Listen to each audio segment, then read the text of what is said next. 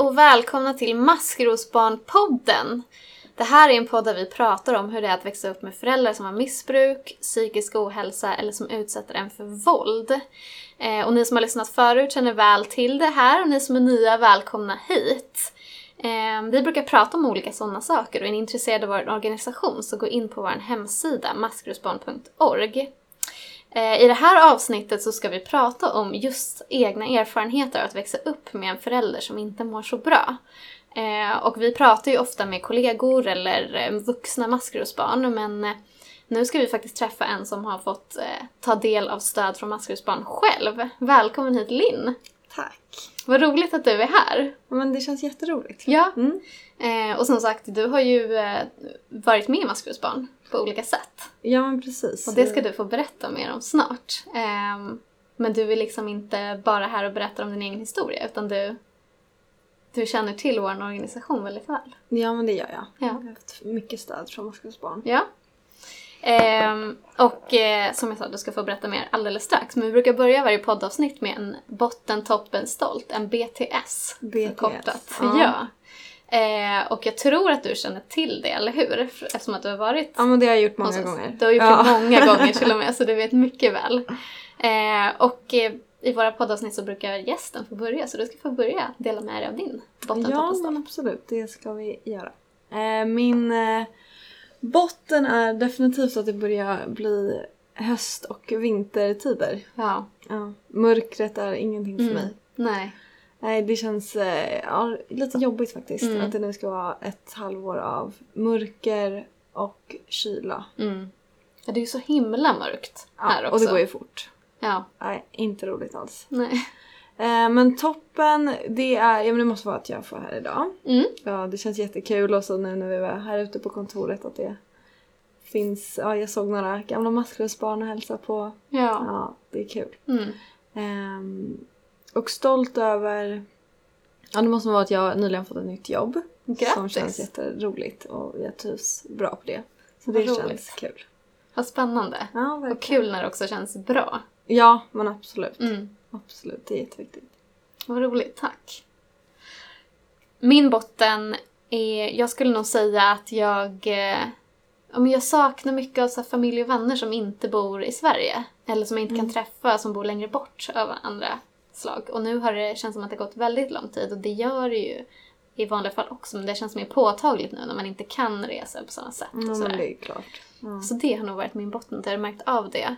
Ehm, och kanske särskilt för att det är höst, för att jag tycker också som du säger, mörkret och kylan är tråkig. Jag älskar sommaren och ni som har lyssnat på podden vet att jag pratar om den hela tiden. Nu är det sommar, jag är jätteglad, nu är det höst och nu är jag deppig typ. Ja, det Ehm, blir så. Ja men precis.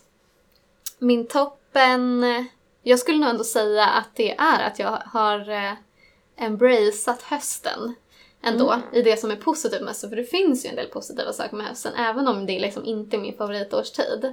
I att så här, det är ganska mysigt tycker jag att så här, eh, sitta inne eh, när det är mörkt och tända ljus. Eh, och kolla på någon film Ja. kanske, dricka te eller läsa en bok. Att det går att göra väldigt mysigt. Jag gillar mysstunder. Ja, det är Eh, otroligt. Och hösten är väldigt bra för mysstunder. Ja, alltså Håller du med? Ja, verkligen. Men det är också lite idén om hösten. Sen ska man gå från bussen i Mm. rusk och liksom se solen en timme. Men jag ska Ja. inte förstöra din bra vibe här Nej. om, om hösten. Ja. Det ska jag inte göra. Nej. Nej. men det skulle nog vara min toppen att jag ändå lyckats för det kan vara lite Ja, svårt. det så det är ett tips att så här, försöka fokusera på de positiva sakerna med hösten. Mm. Så blir det lite lättare. Tänd mycket ljus. Tänd mycket te. ljus, drick te, gör mysiga saker liksom. Mm. Eh, och min stolt är att jag har jag har varit duktig på att ta tag i många här vuxengrejer. Ni vet, så kontakt med bank och saker om bostad och eh, om sådana där vuxengrejer. Jag tycker sånt är så tråkigt och eh, det är jättetråkigt att göra själv. Eh, och jag kan liksom bli så här envis som en treåring nästan. Jag säger nej, jag vill inte. Men så måste jag det för att jag är vuxen. Så jag måste Bra, göra de här ja. sakerna för att få det, få det att funka. Och nu har jag gjort dem så jag är stolt över att jag har gjort dem fast jag har känt mig som en trotsig treåring i Ja, men det ska du vara. inte ska göra stolt över det. Mm, Mm. tack. Tack. Eh, Ja men du Linn. Mm. Vi brukar ju som jag sa ofta bjuda in vuxna maskrosbarn som Mm. säger att de önskar att vi hade funnits när de var yngre. Mm. Så har jag själv känt att så här, tänk om jag hade fått ta del av maskrosbarn när jag var tonåring.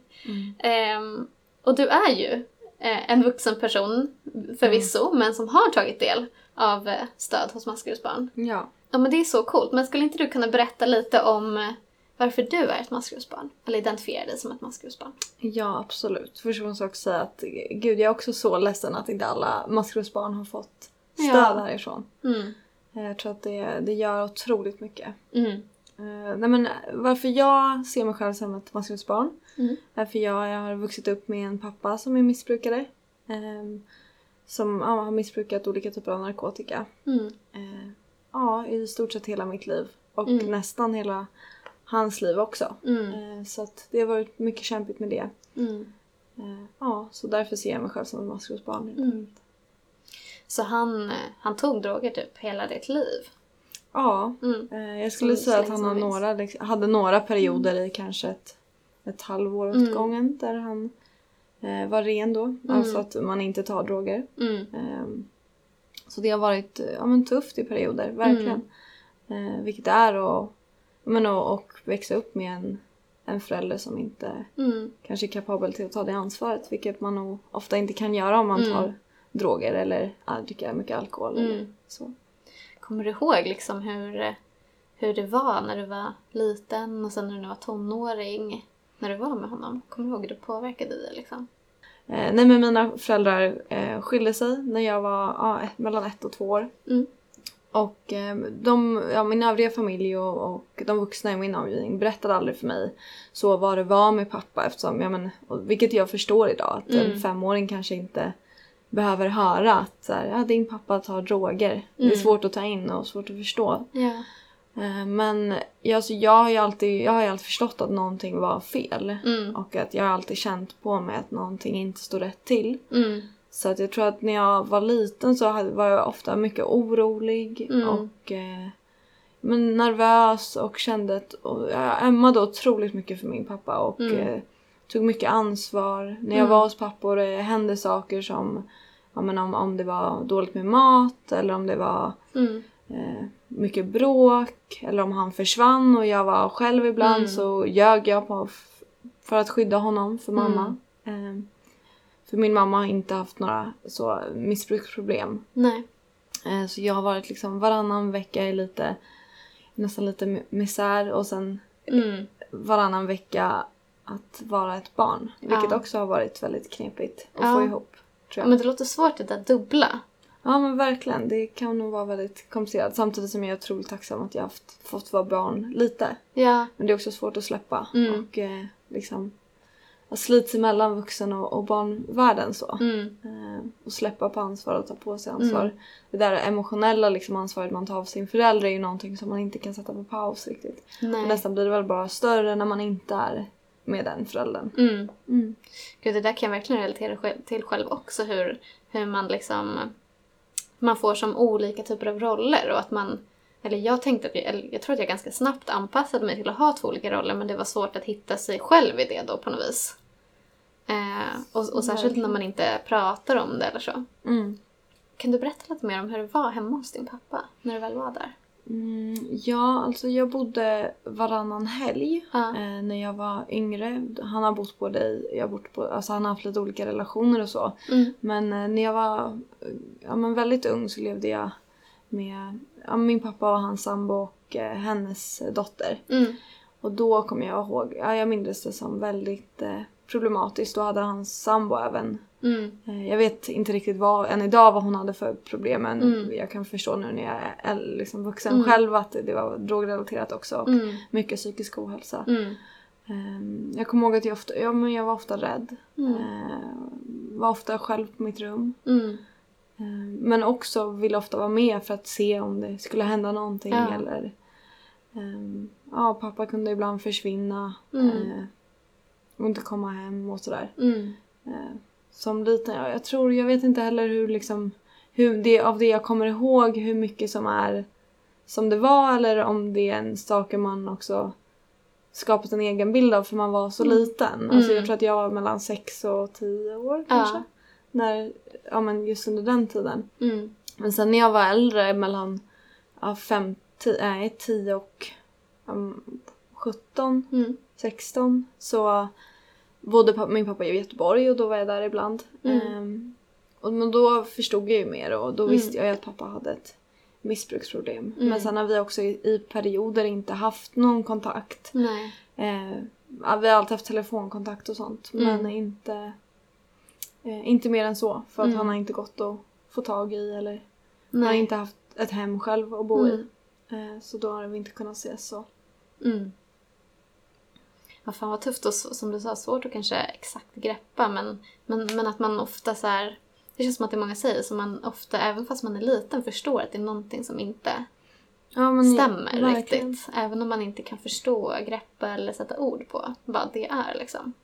Ja precis och, och det gör ju, alltså jag förstår ju att det är väldigt problematiskt för vuxna i ens omgivning Mm. också att veta hur man ska hantera det. Ja. För säger du det inte till ett barn Mm. så ja, men kommer de väl brottas med de här känslorna Mm. som jag gjorde att gud, hit- jag, jag, vet att jag hade ett tag där jag trodde att jag nästan var lite knäpp eller Mm. undrade om det var mig det var fel på för jag Ja. hörde att det skreks och jag hörde att men det var ingen som bekräftade det. Eh, så det blir väldigt problematiskt så men sen vet jag inte heller riktigt hur det skulle se ut om man berättade för en sexåring att eh, ja, men din pappa kommer inte på Lucia för att han Mm. eh, har tagit eh, amfetamin. Mm. Det hade också blivit väldigt problematiskt. Så Mm. att det är ju väldigt svårt för alla parter att Mm. hantera det.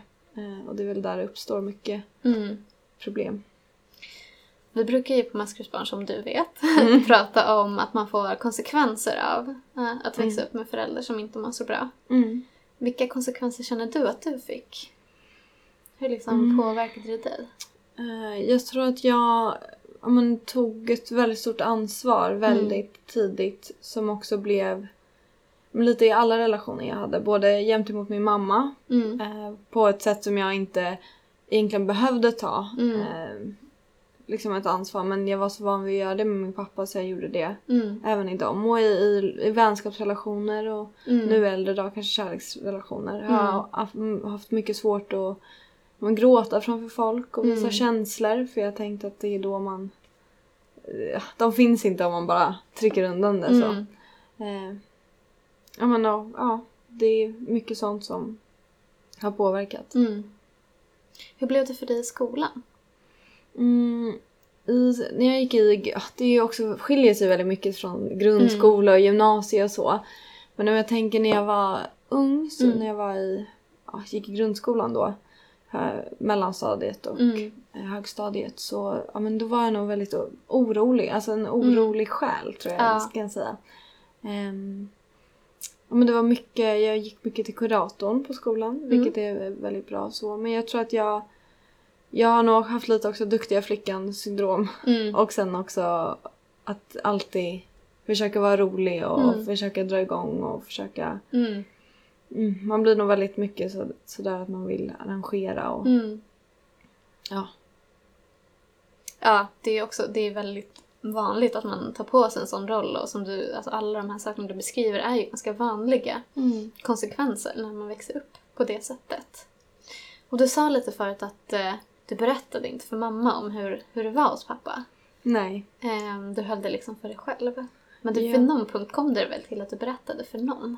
Ja, alltså jag har alltid varit väldigt öppen med mina vänner. Jag har haft väldigt tur som har haft väldigt eh, många vänner och, Mm. och eh, fina vänner under hela min uppväxt och Mm. även nu idag som vuxen. Mm. Ehm, men jag tror att och, jag har alltid kunnat prata med min mamma. Mm. Men jag har också vetat att hon, hon skulle absolut sätta konsekvenser för om jag kom hem och Mm. sa att jag såg pappa röka på eller Ja. röka gräs eller eh, ta droger eller Mm. om jag var tio år och satt själv i en lägenhet en, Mm. ett dygn. Ja. Eh, då hade jag absolut inte fått åka dit. Och det var det enda jag ville vara med min Mm. pappa. Mm. Ja. Speciellt när jag var yngre. Mm. Så jag tror att jag krigade på väldigt länge och liksom allt han kände kände jag. Så upplevde jag det som. Eh, Så jag tror att jag blev väldigt ja, men nedbruten och, och någonting som också jag känner verkligen är en konsekvens av Mm. det är att jag jag tror att jag hade svårt att tillåta mig själv att må bra. Mm. För att jag fick nästan dåligt samvete när man om, ska jag vara här ute och ha så här kul och så vet jag inte hur pappa mår. Mm. Och eh, det tror jag är väldigt... Eh, men det har ju varit någonting vi har pratat väldigt mycket om i, i, inom maskrosbarn. Mm. Jag tror att det är väldigt vanligt. Mm. Eh, Ja, verkligen. Eh, och särskilt om man, man tycker kanske om sin förälder fortfarande och så här, bryr sig väldigt mycket om den som du sa också. Mm. Eh, men du, då, du var liksom lite rädd för att din mamma skulle då se till att du inte fick vara där för att du kanske Ja, visste du på något sätt att så här, det här kanske inte är så bra för ett barn ja, att vara ja men gud eller? ja. Det, Mm. Jag tror jag alltid varit väldigt medveten. Mm. Mm. Eh, och jag vet, och specie, alltså speciellt eftersom det har fungerat väldigt bra hos min mamma Mm. så har jag ju förstått att det är någonting som är väldigt dysfunktionellt Mm. i, ja, men hemma, hos, hemma hos pappa då. Mm. Du kunde se skillnaden liksom. Ja men verkligen. Mm. Så att jag, det har ju bara varit för att jag vill skydda, skydda pappa Mm. och hjälpa pappa. Och, Mm. eh, men jag, jag har hjälpt min pappa väldigt mycket ekonomiskt också genom Mm. min uppväxt. Jag började jobba mm, ja, väldigt tidigt. Mm. Eh, och ja, men hjälpte honom mycket ekonomiskt och, och låna ut pengar Mm. och låna ut saker som han senare sålde. Alltså my, mycket sådär, väldigt eh, medberoende. Det skulle jag säga nästan ett av de värsta missbruken man kan ha. Mm. Och vara liksom beroende av Ja. av någon annan för det kan man inte påverka någonting själv. Precis.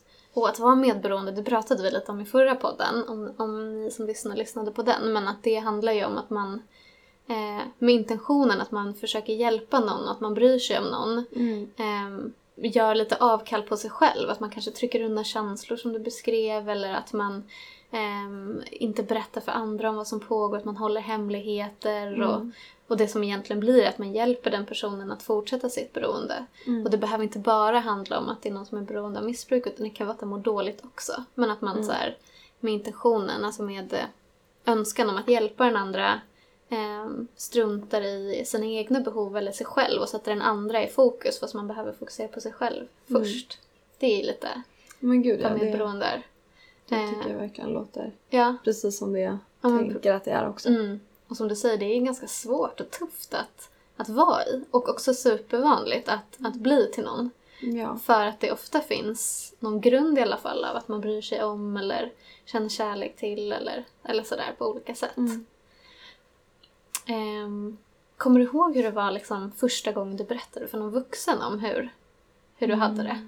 Ja. Eh, jag tror att det var just när jag gick i grundskolan och började prata med kurator Mm. som jag berättade. Ja. Men jag tror att jag inte riktigt kunde sätta ord på det då. För Ja. jag tror att jag inte riktigt förstod själv vad det var. Utan då var jag fortfarande i den här fasen att jag visste att något var fel. Mm.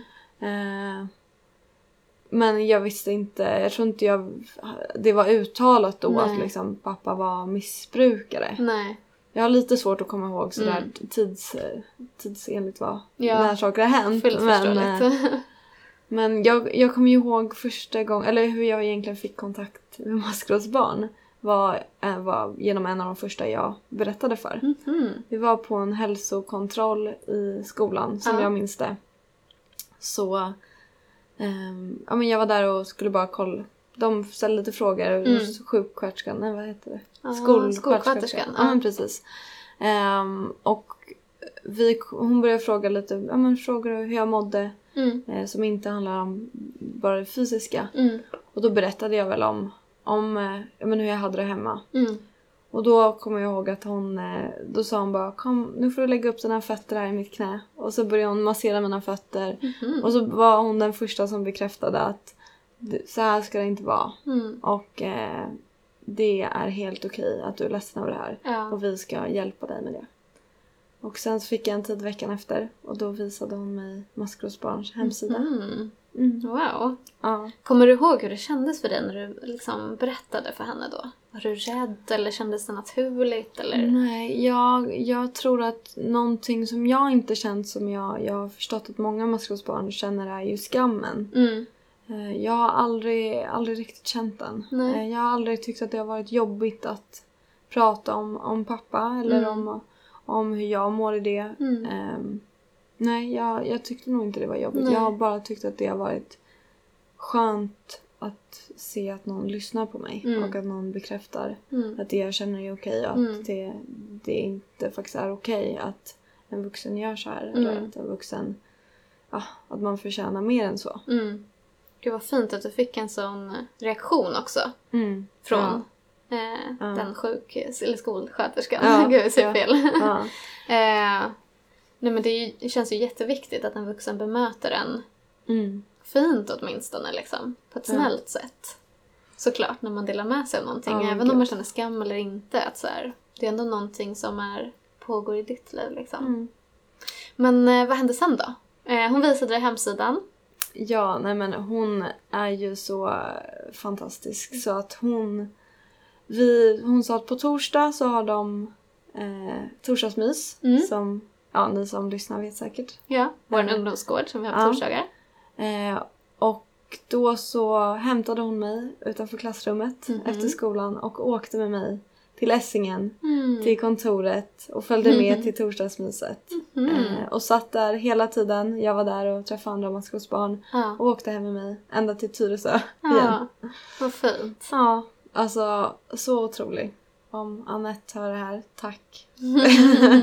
Så det var liksom din första gång på Ja, maskrosbarn. det var det. Kommer du ihåg vad du tänkte på väg dit? Var du nervöst? Oj, jag var jättenervös. Var det? Jättenervös. Ehm, jag, eh, ja, men jag hade aldrig träffat någon som hade, hade det som mig. Mm. Eller hade hört om någon som hade en förälder som missbrukade. Mm. Eh, jag hade inga kompisar som jag Nej. visste det om. Eh, och sådär, så jag...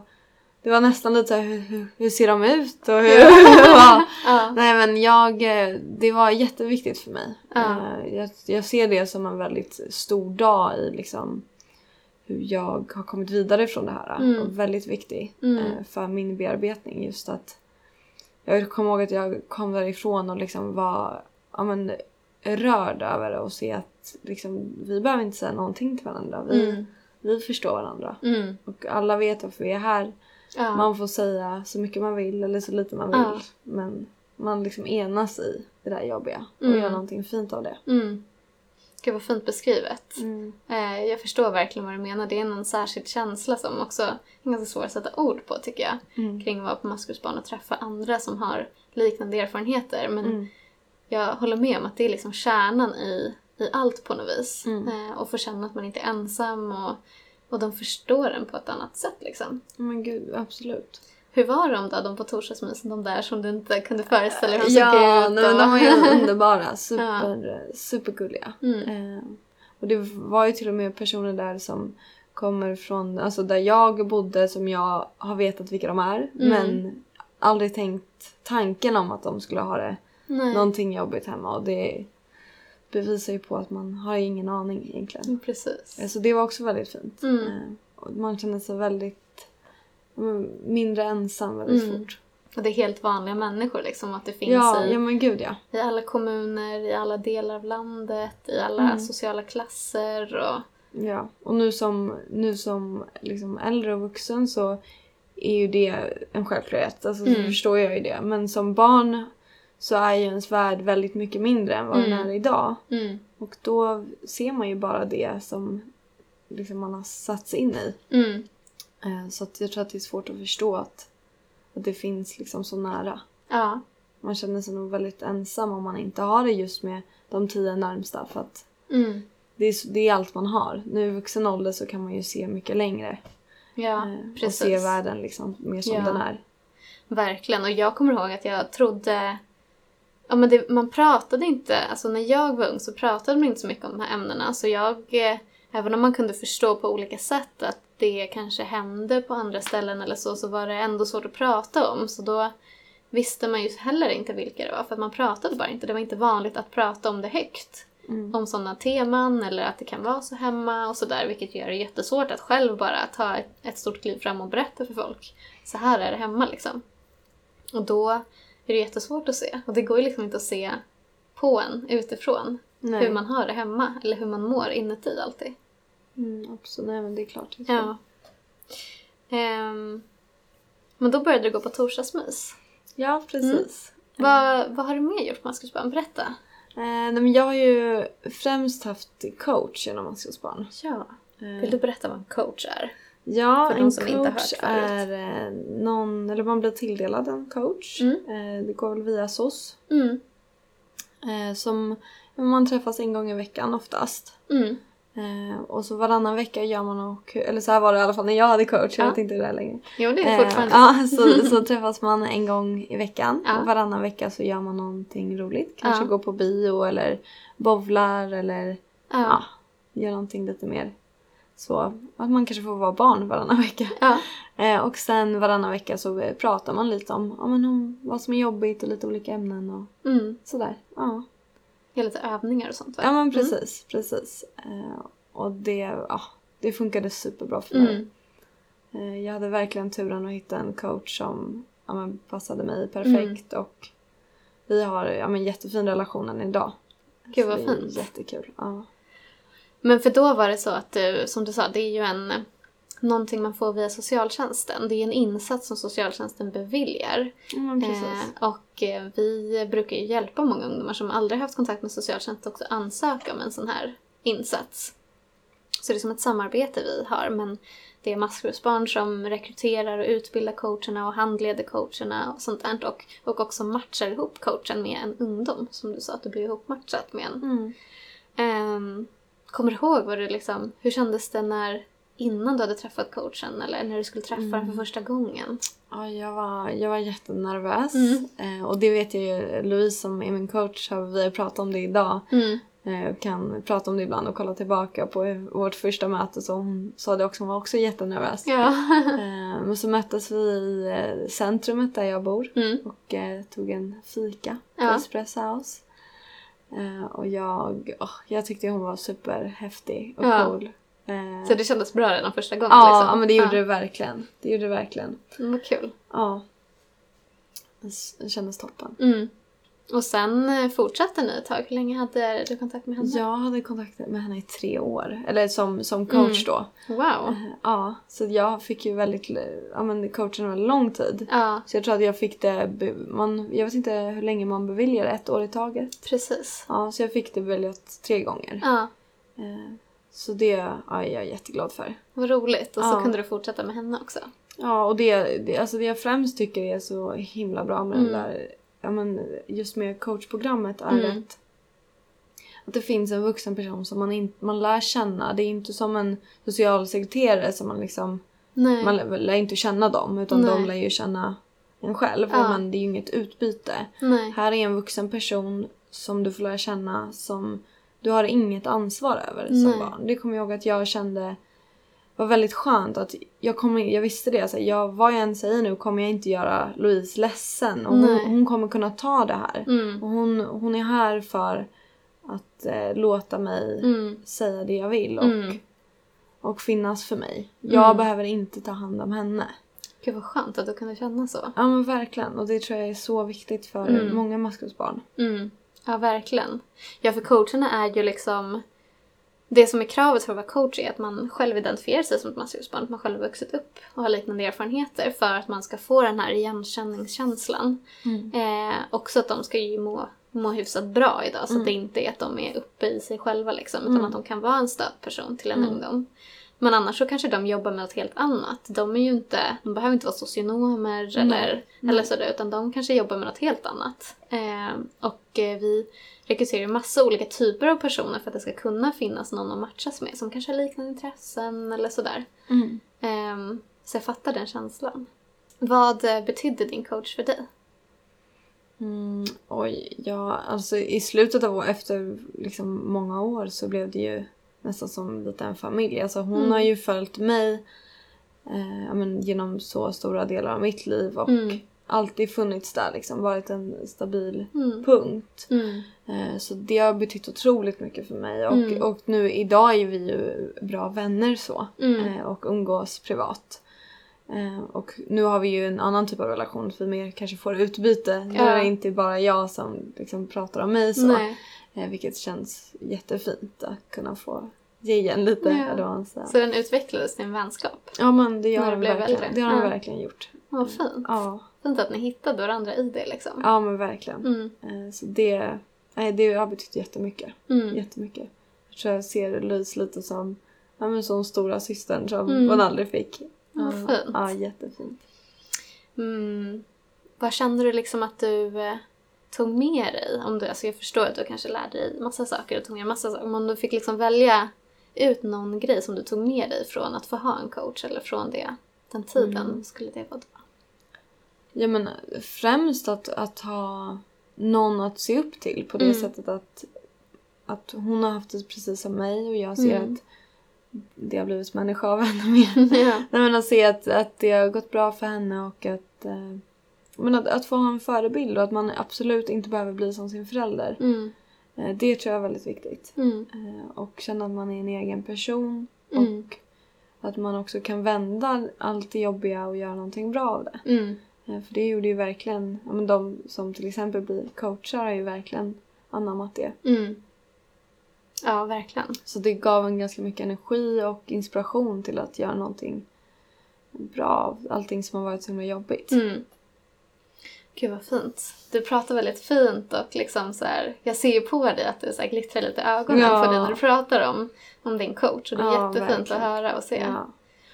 Ehm, men om vi bara ser lite mer generellt då, skulle, hur skulle du säga, eller vad skulle du säga att maskrosbarn har betytt för dig? Hur var det att få stöd från maskrosbarn? Ehm, ja, alltså det, ah, det är så himla mycket. Det är så, jag har fått så mycket olika Ja. stöd. Jag har ju först också... Jag fick ju beviljat också att gå på läger som verkar vara helt underbart. Via det, maskrosbarn? Ja, precis. Men det, jag gick faktiskt aldrig dit. Jag Nej. tyckte att det var lite jobbigt att sova borta när Ja. jag var lite yngre. Så Ja. därför passade det inte mig. Men Nej. det verkar också underbart. Mm. Men eh, ja, torsdagsmysen gick jag ju mycket på i början. Och det var väl då jag verkligen förstod att så här, gud vad alla typer av människor har de här problemen och Mm. en sån gemenskap. Eh, men just det har gett mig så många fina vuxna människor Mm. som, som orkar med och kommer inte dra med mig som Mm. barn. Och som jag har kunnat liksom bygga relationer med där jag inte haft någon, något ansvar alls. Mm. Och det har varit så skönt och sån fristad. Mm. Eh, och varje gång man kommer hit så får man liksom en chans att vara barn igen. Mm. Eller barn igen ska jag inte säga utan barn Mm. för första gången nästan. Och Mm. det känns otroligt fint. Mm. Och jag är så glad att jag har fått vara del av det. Ja. Mm. Det var fint att höra också. Att Mm. det, det har kunnat kännas så.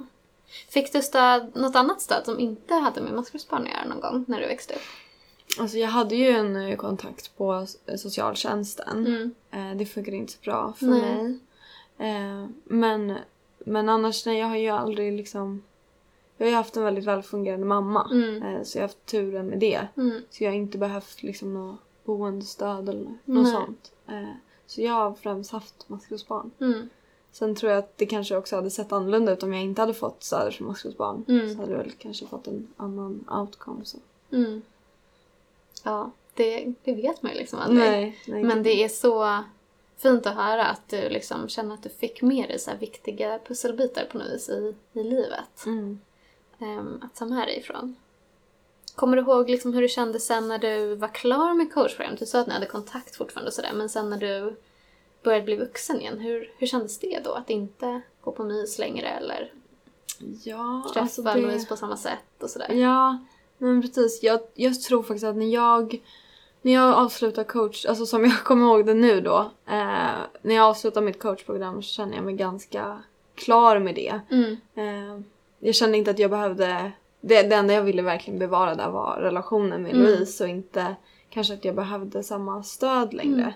Eh, för jag kände nog också att jag kände mig ganska men jag har bearbetat, liksom, eftersom jag började på maskrosbarn när jag var väl ganska ung Mm. så har jag liksom bearbetat det här ganska många år. Ja, Eh, Sen blir man väl aldrig klar med det. nej. Men ja, jag, jag, det kändes ganska bra. Jag kände mig ganska redo för att stå liksom på egna ben. Så. Mm. Eh, ja, så det kändes bra. Och så vet man ju alltid att det går ju alltid att hitta tillbaka hit. Ja. Ja, ja, för du har ju liksom hjälpt oss även på andra sätt och deltagit till exempel i påverkansarbete, varit med i precis. referensgrupper Ja. och på konferenser och sånt där. Så Ja, precis. det finns massa saker man kan göra här. Ja. Ehm, men du sa någonting eh, viktigt där tycker jag också, eller du har sagt jättemycket viktiga saker, men det här med att, eh, att du kände dig liksom redo på något vis men att man kanske aldrig blir klar för att det där tycker jag är så svårt i att vad, vad innebär det att vara klar liksom? Ja, Eh, ja, finns det ens? Alltså, för Nej. att så här, det man har varit med om, det har man varit med om. Eh, Ja. och, eh, och man går igenom olika saker i livet tänker jag hela tiden som kanske kan dyka upp, kanske något dyker upp igen eller så gör det inte det eller Ja, eh, men absolut. men att du kände att så här, i, den, i det här nu så känner jag mig redo att liksom Ja, och jag tror, att, jag tror att jag just fick väldigt mycket bra verktyg till att bli Mm. liksom en egen person. Ja. Jag tror att under hela min uppväxt så identifierade jag mig väldigt mycket med, med Linn med en pappa som är sjuk eller med Ja. Linn med som har en pappa som är Mm. på ett visst sätt eller Mm. si eller så.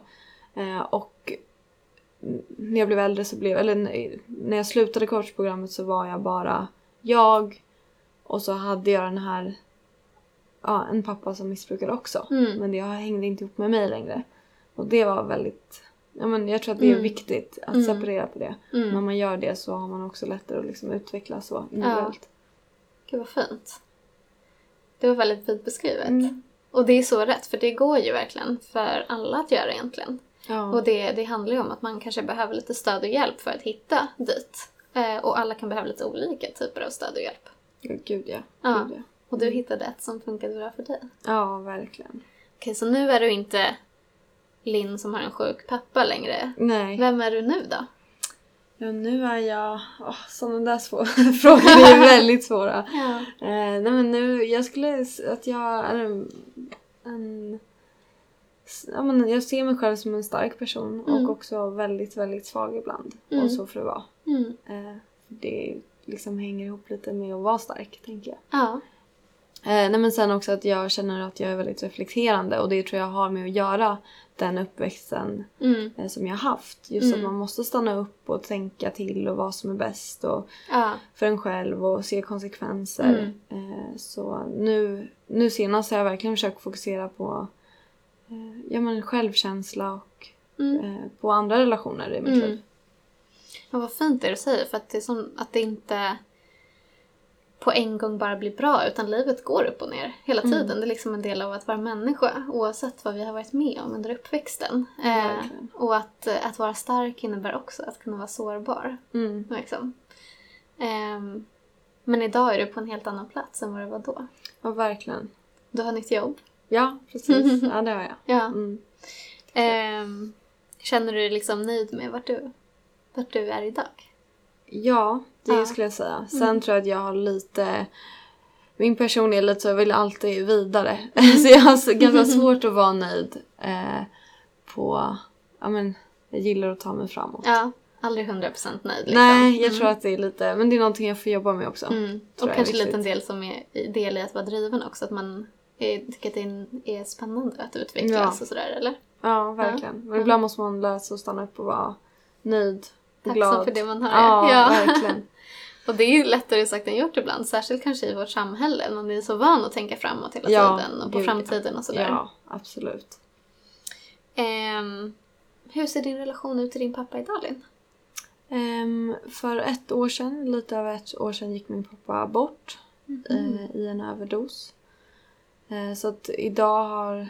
Ja, idag är väl vår relation mycket på minnen och Mm. från hur den var, har Mm. varit. Eh, men jag känner fortfarande ett väldigt starkt band till min pappa. Mm. Eh, och jag ja, väljer att tro att han ja, mår bättre nu. Mm. Livet var inte riktigt någonting Mm. för honom. Jag är ledsen att det blev så. Hur, eh, kommer du ihåg hur det kändes då? Liksom, det var inte alls så länge sedan heller. Hur, Nej, hur blev det då?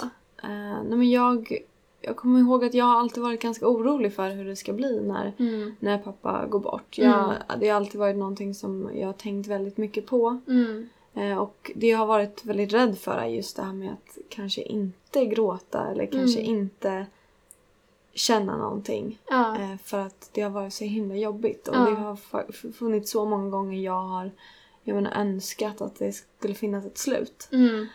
Eh, och när han gick bort så var det faktiskt just så jag kände. Eh, Mm. jag, alltså det var en otrolig sorg. Mm. Jag var ju jätteledsen. Jag Mm. älskar min pappa jättemycket. Mm. Men en av de första känslorna som kom var också lättnad. Jag Mm. kände att eh, nu... Det här är botten. Mm. Det kommer inte bli värre så här. Nej. Och eh, det var, det var ju väldigt jobbigt att hantera den känslan. Mm.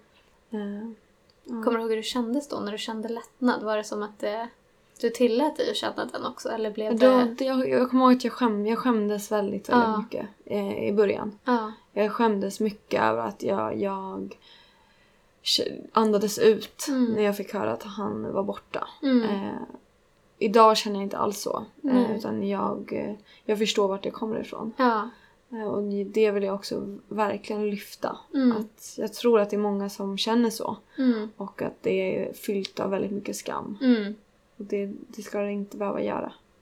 Det är Nej, helt förklarligt till varför man känner så. verkligen. Och, och sorg och lättnad behöver liksom inte vara samma sak utan man kan känna båda samtidigt. Ja, som gud, du gjorde. ja, det liksom, gjorde jag absolut. Och att det kan uppstå massa olika känslor och alla är helt okej. Vissa känner sig kanske inte alls ledsna överhuvudtaget och det måste också få vara okej för att det är svårt och komplicerat när man har Mm.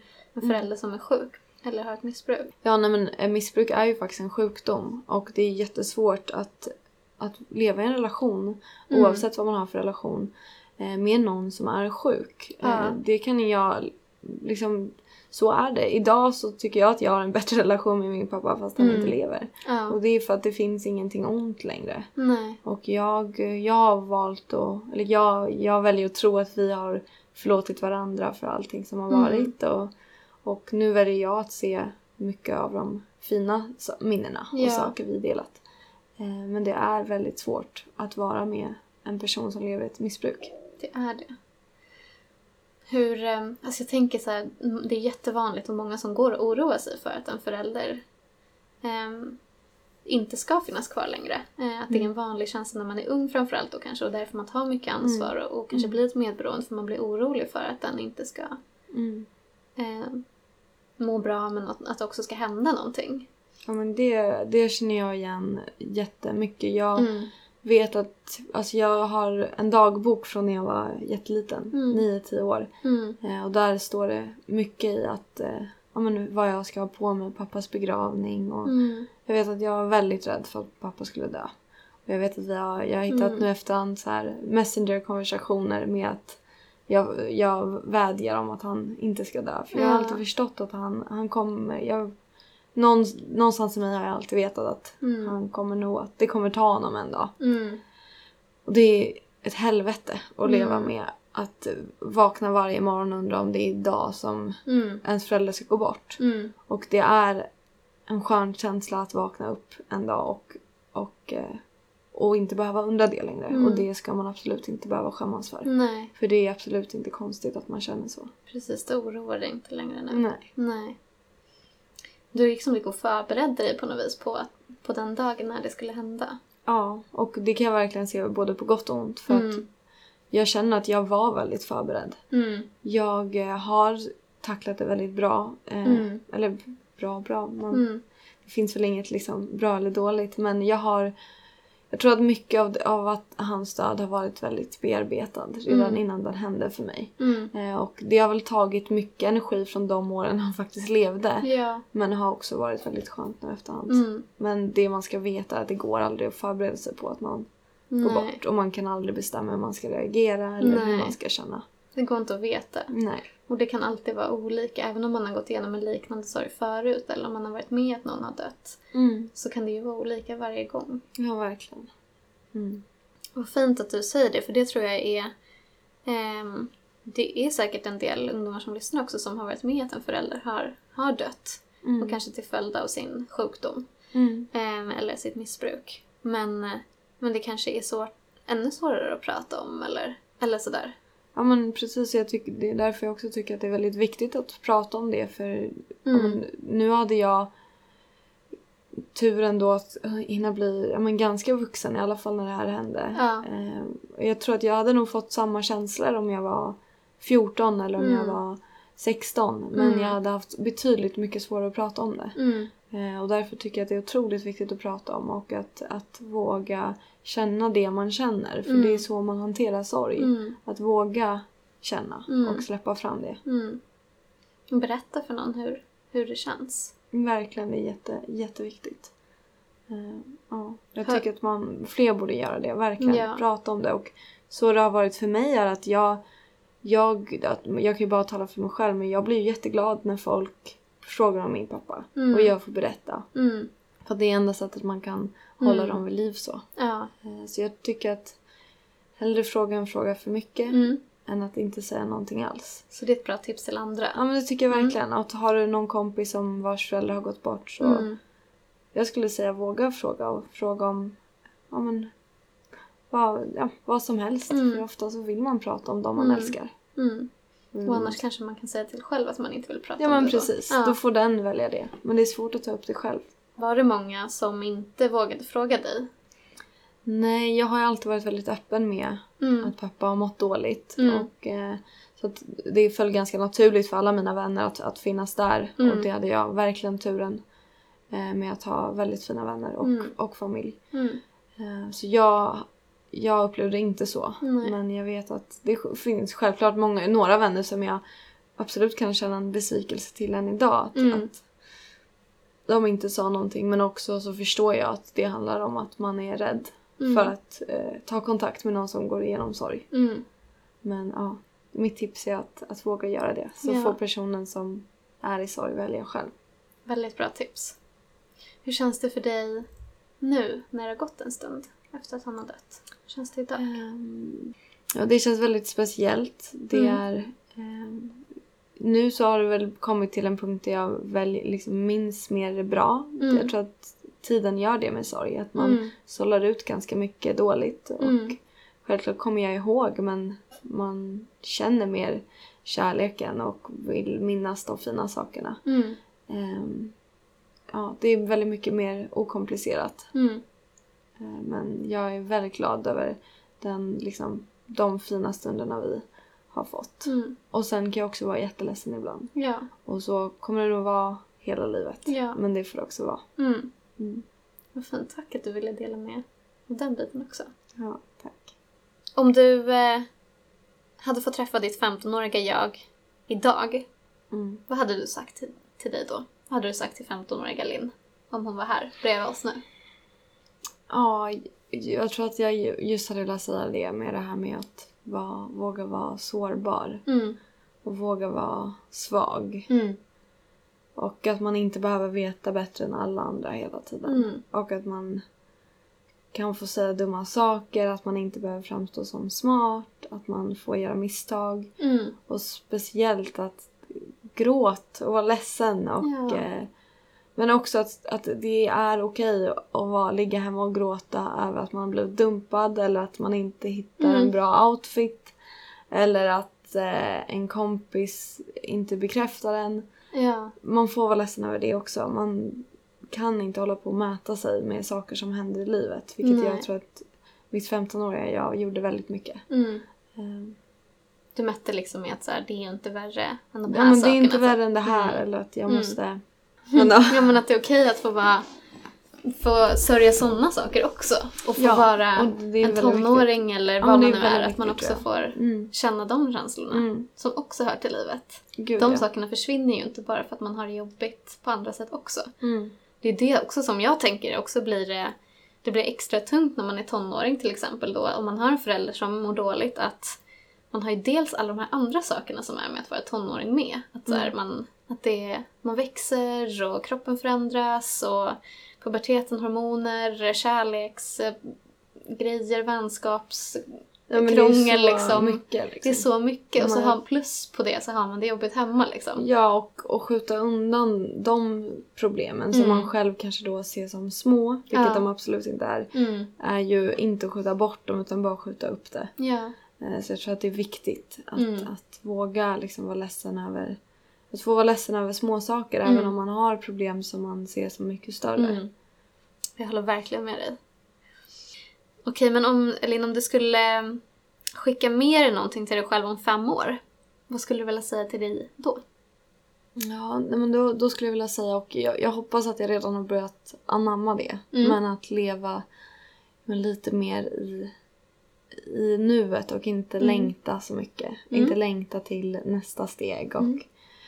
Eh, ja, men, känna sig nöjd med där man är i livet just nu. Ja, Ja. Jag hoppas att jag är det om innan fem år. Ja, Ja. hoppas det med. Vilket bra tips som jag känner att jag själv skulle behöva också. Ja. Eh, och säkert flera andra. Ehm, har du något tips på hur, hur man kan göra den här hösten så bra och mysig som möjligt? Ja, jag var Du ju rätt eh, negativ där i början men det är väl faktiskt som du säger. Göra Mm. mycket mysiga saker, hänga mycket med vänner och det som faktiskt är väldigt bra är att man får ligga och plöja en hel Netflix-serie utan Mm. att ha ångest för att det är sol ute. Ja. Det är ju jättehärligt. Mm, Så jag skulle säga Netflix. mm. Ja, Netflix är bra. det, ja, det är mitt bästa Ja. tips faktiskt. Jag har en till fråga. En sista fråga till dig. Mm. Eh, om det är nu någon som lyssnar på podden Mm. som kanske aldrig har hört om maskrosbarn förut eller har hört men kanske inte riktigt vågat ta kontakt med oss eller sådär. Har du någonting du skulle vilja tipsa dem om eller säga till dem? Ja, alltså mitt tips är alltid att bara prata. Mm. Även, även om man inte är redo att kanske kontakta maskrosbarn. Mm. Så kan man, eller även om man inte kanske är redo att komma torsdagsmys eller Mm. vilja coach kan man chatta. Ja. Och eh, prata med de vuxna man har omkring sig. Mm. Eh, gå till kuratorn. Mm. Gå till, som jag gjorde, skolsystern. Mm. Eh, prata med din kompis mamma. Mm. Prata med ja, vem som helst Mm. egentligen. Eh, det finns människor som vill hjälpa en Mm. och som vill lyssna på en. Det är viktigt att, att våga liksom sträcka ut för ibland är det väldigt svårt för vuxna att veta vad de ska fråga. Ja. Tydligen. Tydligen. ja. Eh, ja, men var inte rädd för att söka kontakt. Mm. För det finns människor där som står Mm. med öppna armar och vill ta emot en. Mm. Gud vilket bra tips. Eh, tack så jättemycket Linn för att du har kommit hit och tack för att du har delat med dig om din historia. Det känns jättevärdefullt att få Mm, ha lyssnat på, på det. Tack själv. Eh, och tack till er som har lyssnat. Hoppas att ni får en mysig höst. Eh, trots mörker och kyla. Men som sagt, lite ljus, Netflix så blir det säkert lite bättre i alla fall. Ha det så bra, eh, så hörs vi nästa avsnitt. Hejdå!